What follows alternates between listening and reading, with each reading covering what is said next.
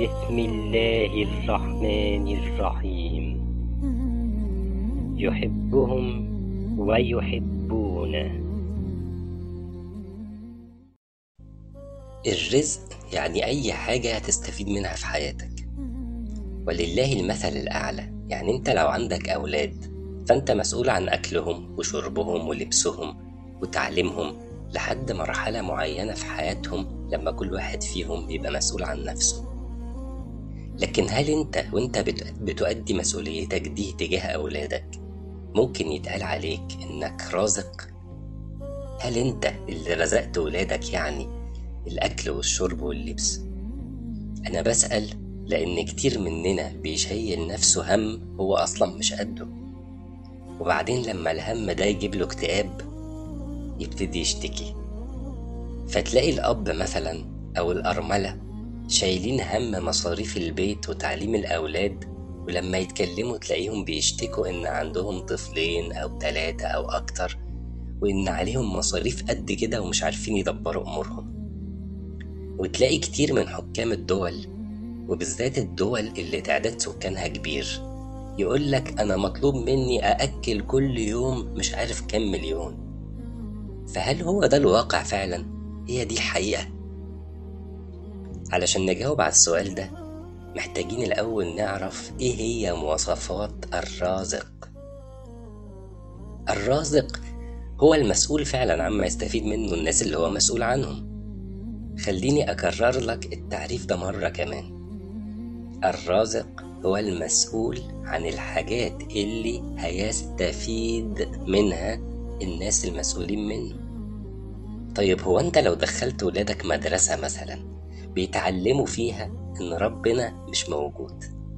يبقى أنت رزقتهم حاجة بيستفيدوا منها؟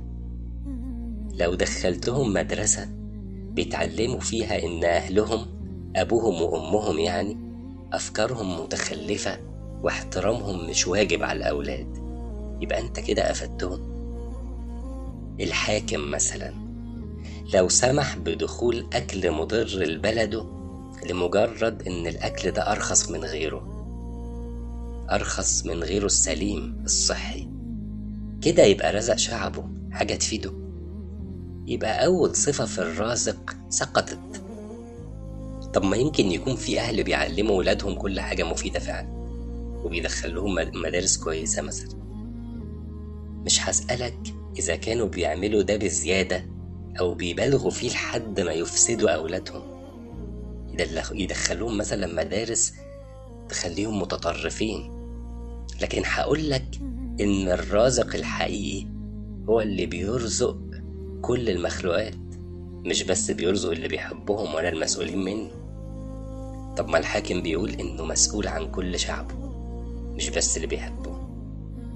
هقول لك ساعتها إن الرازق الحقيقي مش بس اللي بيوفر اللي بينفع الناس لأ ده كمان خالق الأرزاق دي كلها والمتكفل بإنه يوصلها للمنتفعين منها جيل بعد جيل.